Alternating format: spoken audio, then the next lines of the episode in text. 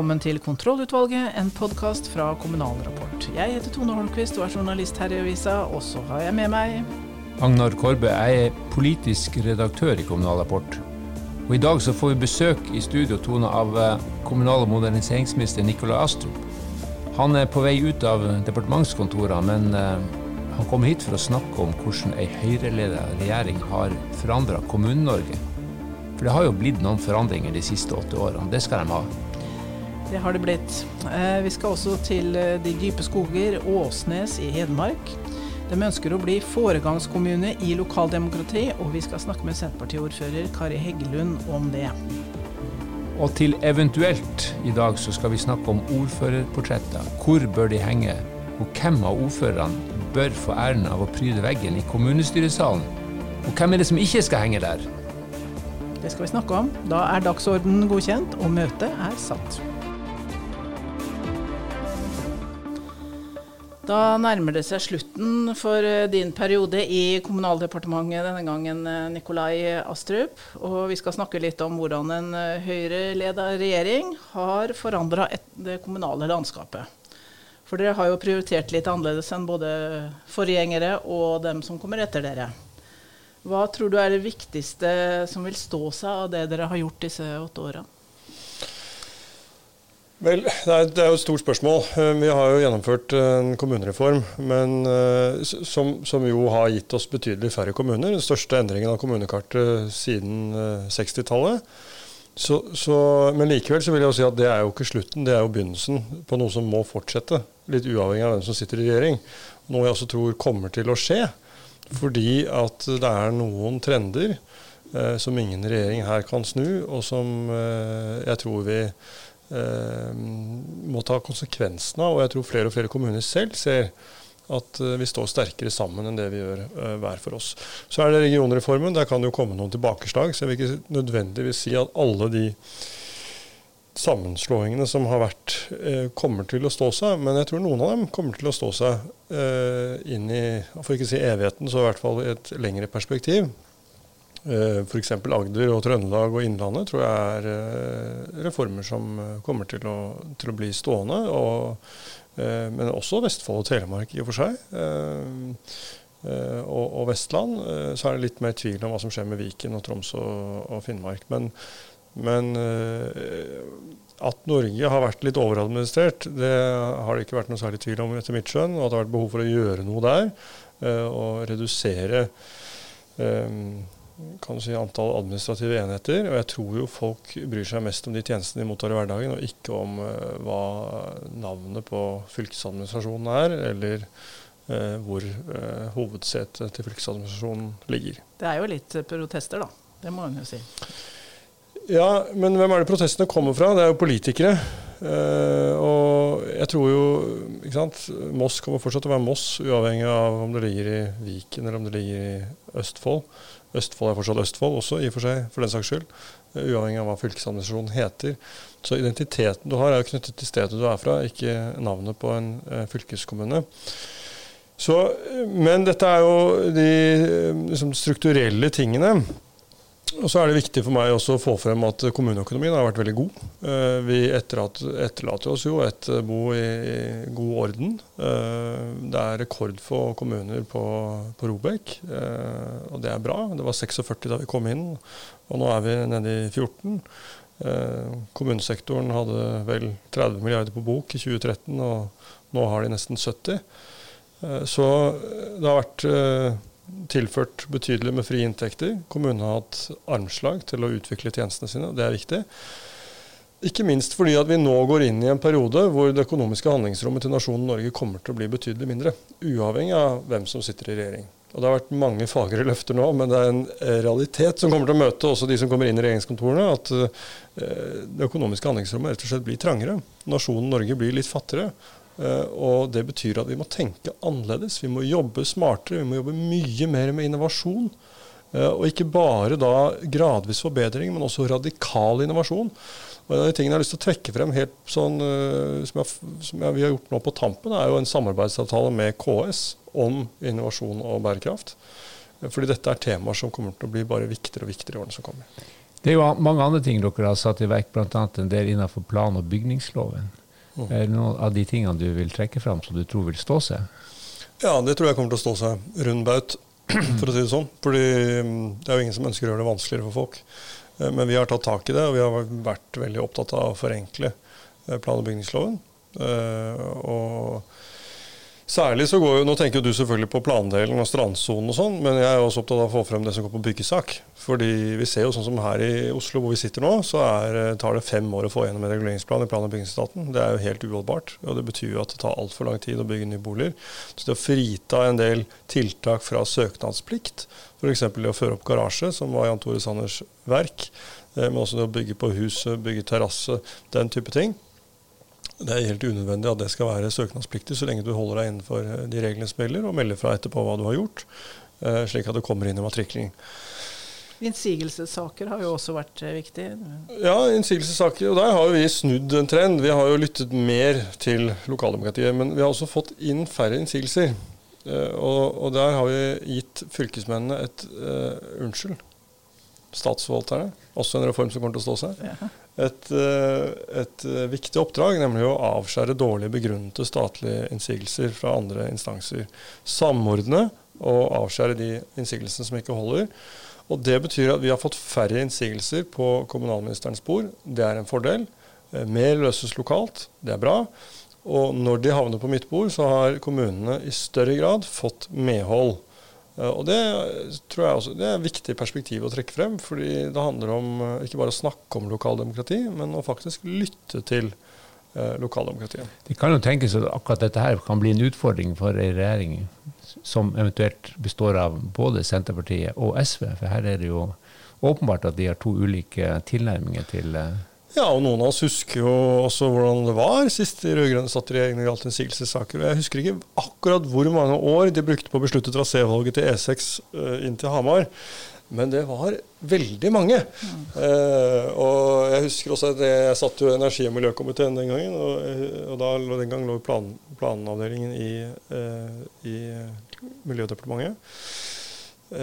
og jeg husker at jeg snakket med noen rød-grønne miljøvernministre som Eh, beklage seg litt over eh, manglende fremdrift og avklaring i disse sakene. Så. Er det noen av de sakene som dere, tingene dere har gjort, prosjektene som du, som du frykter vil bli reversert? Altså Som du tenker at eh, dette må de ikke begynne å tukle med? Det jeg er redd for, det er at uh, vi får en uh, regjering som er mer opptatt av å reversere enn av å modernisere. Jo, det, men det, det, er et fint slagord fra valgkampen, men nå er valgkampen over. Du må utdype det. Ja, men Det er en realitet til det. Altså, det er mer oppmerksomhet om at man skal tilbake til det gamle, enn uh, av hva man faktisk må gjøre av nye grep. Vi har hørt veldig lite om det i valgkampen. Det er litt snakk om mer penger, men som jeg var inne på, så er den økonomiske situasjonen i Kommune-Norge god. Og uansett hvem som styrer, og det skrev jo du også i Kommunal Rapport, Agnar, eh, så kommer det ikke til å bli noe bonanza og gull og grønne skoger. Eh, for slik henger ikke verden sammen når det er 356 kommuner som du skal fordele pengene på. Eh, så er man fortsatt nødt til å prioritere, uavhengig av hvilken regjering som sitter. Men det har vært veldig lite snakk om hvilke ambisjoner og visjoner man har for eh, utviklingen i Kommune-Norge. Det er ingen i den nåværende opposisjonen, eh, snart posisjonen, som har snakket mye om behov for innovasjon og eh, det å løse oppgavene på nye måter. Det er alltid fokus på hvor mye penger som skal inn, men ikke hva vi får ut av dem. Og det er jeg bekymret for. Uh, og heldigvis så, Nå har vi satt i gang en del ting som jeg håper da blir vanskelig å gjøre noe med. Uh, nemlig nettopp samarbeidsavtale med KS. Nå går vi sammen med KS om et, å etablere et uh, policy-laboratorium for å teste ut, eksperimentere rundt nye arbeidsmetoder, ny metodikk. Fordi vi trenger å tenke helt nytt for å løse utfordringer med ungt utenforskap, en aldrende befolkning og, og ungdom som flytter fra bygda til byene. Altså, her må det skje ting, uh, og vi må utfordre oss selv på det. Mens det jeg hører og har hørt hele veien fra f.eks. fra Senterpartiet, er jo at vi, vi ser oss tilbake. Eh, og, og uh, en av de tingene de har vært... var helt annerledes da dagens kommunestruktur så dagens lys, altså i, i, ja, på 60-tallet. Det er vi enig i, uavhengig av partiet. Det tror jeg Senterpartiet også er enig. Men det de har snakka veldig mye om, de rød-grønne partiene, det er en tillitsreform. For det har blitt for mye kontroll, for mye rapportering. Og når jeg snakker med rådmenn, ordførere, kommunedirektører, så er det sånn en, en gjennomgående frustrasjon. Um, og vi var inne på det med plan- og bygningsloven, forenkling. I, når du nå på tampen, er det noe du tenker at dere kunne ha gjort der som hadde lettere til kontroll- og rapporterings- og målingsregime som, som, preger offentlig sektor? Mm. Jeg er veldig tilhenger av, mål, målstyring, uh, og det forutsetter jo tillit. Uh, fordi du setter noen overordnede mål, og så er det opp til den enkelte kommune eller den enkelte virksomhet å finne ut hvordan man best når det målet. og jeg tror nok at her kunne vi sikkert blitt, vært enda flinkere til å stilt kommunene friere til hvordan de skal nå, nå målene. Vi har jo vært på noen områder styrt innsatsfaktorene også. Uh, det gjelder f.eks. lærernormen, uh, som jo er godt begrunnet i at vi har behov for flere lærere, men hvor det jo egentlig bør være opp til kommunene selv å bestemme hvor mange lærere de mener er forsvarlig å ha og hvordan de ønsker å disponere sine ressurser. Så, så jeg er helt enig i det, men, men, når jeg hører opposisjonen snakke om tillitsreform, så snakker de jo om å erstatte målstyring med detaljstyring, og det er det motsatt av tillitsreform. Det er sånn du oppfatter det, de sier jo ikke det, da, men, eh, Nei, men det, er, det er konsekvensen av det de sier. Ja, ja. Du, Hvem eh, tror du blir eh, etterfølgeren din? Det kommer an på hvilke partier som skal inn i regjering. Mm. Og det vet vi jo ikke ennå.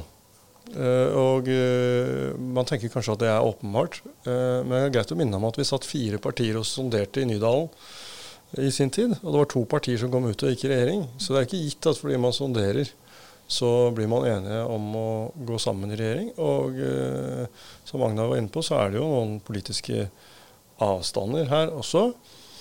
Men blir det en trepartiregjering av de tre, så tipper jeg at Senterpartiet ønsker seg en uh, kommunalminister, og at de sløyfer moderniseringsministeren. Uh, og at det blir en kommunal- og regionalminister.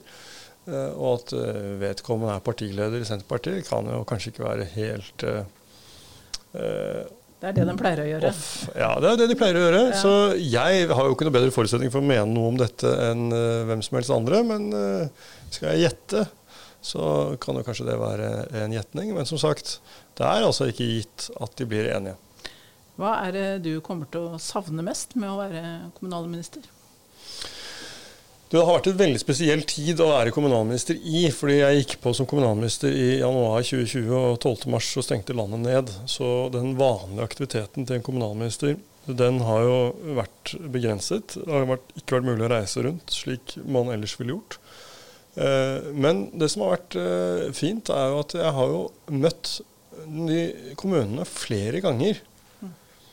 Og oftere enn jeg ville gjort før pandemien, fordi vi har hatt digitale møter. Uh, og, jeg, og, det har vært fantastisk. Det har gjort det mulig å møte regionsvis. Så har jeg møtt alle landets kommuner flere ganger. Uh, og alle har fått muligheten til å komme med, med, direkte tilbakemeldinger, og vi har hatt en kjempefin dialog. Og jeg tenker litt uavhengig av um, at pandemien nå er over, så er det noe det, det, det, burde man jo ta vare på. Jeg var f.eks. med på Innlandet av faste møter med statsforvalteren med alle kommunene en gang i måneden, tror jeg. Og jeg var med på det to-tre ganger kjempefin arena. Mulighet for å lytte. Eh, folk kan stille spørsmål. Vi kan få direkte dialog om utfordringer de har med praktiske ting, med langsiktige utfordringer.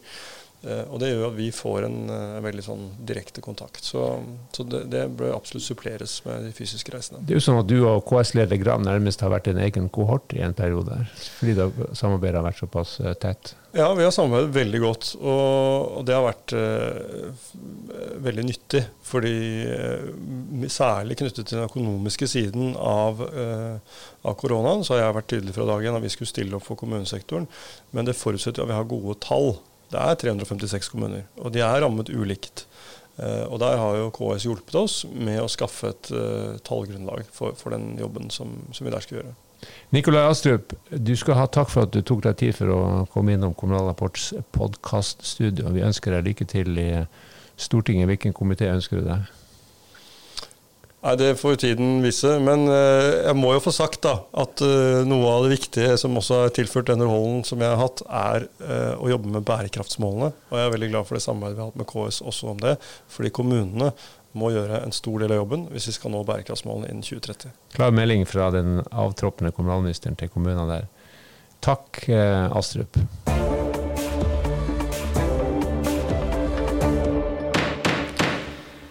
Åsnes i Hedmark er blant kommunene som har søkt KMD om å bli foregangskommune i lokaldemokrati.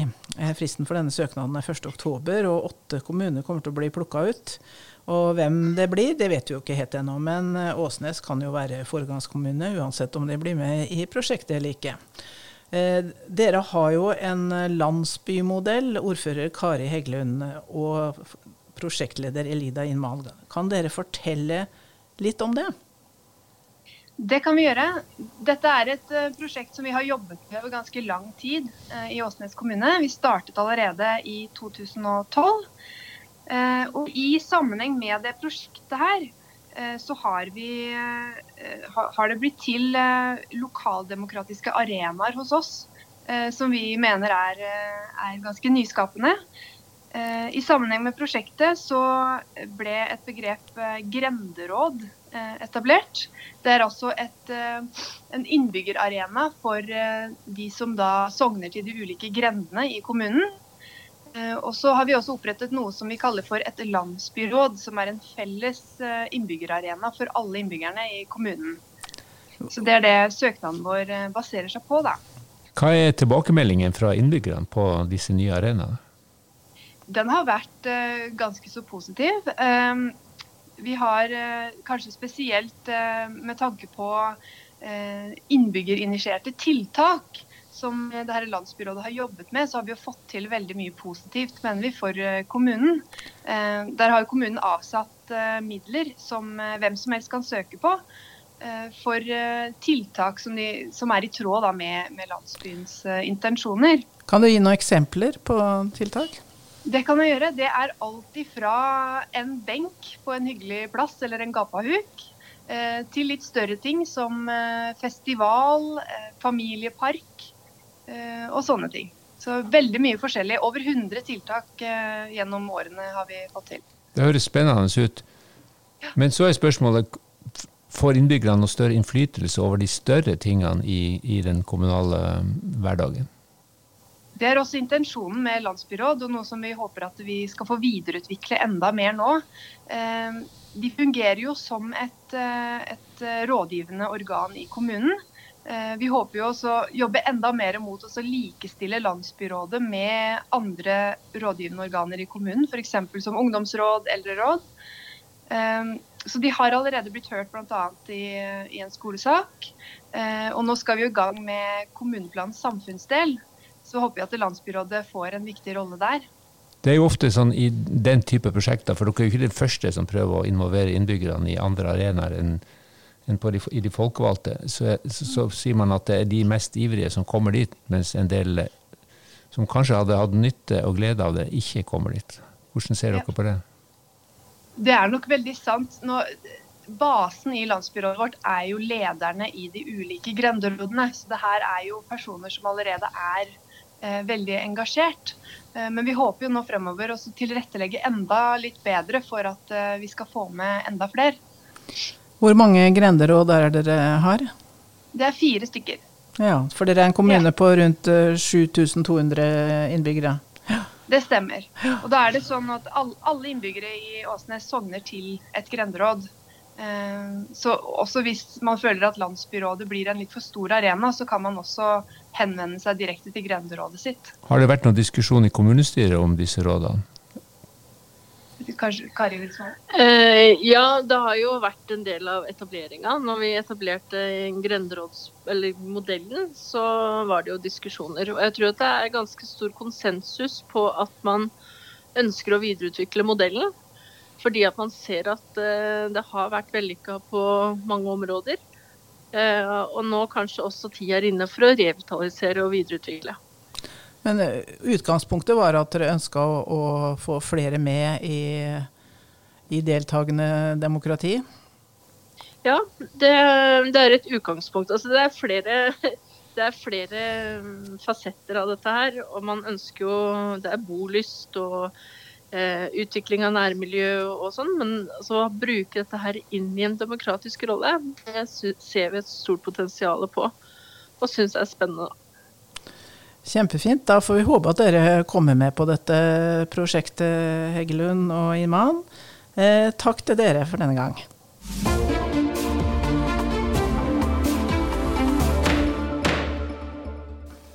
Da er det eventuelt, Tone, og du vil snakke om ordførerportretter på um, rådhusveggene.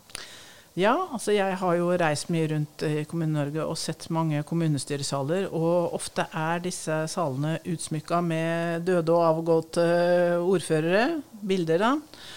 Eh, og hvis det har, vært kommunesammenslåinger, som det jo var på 60-tallet, litt på 90-tallet og nå i 2020, så blir det jo veldig mange ordførere som skal ha plass på disse veggene. Det er bare rett og rimelig alle skal med?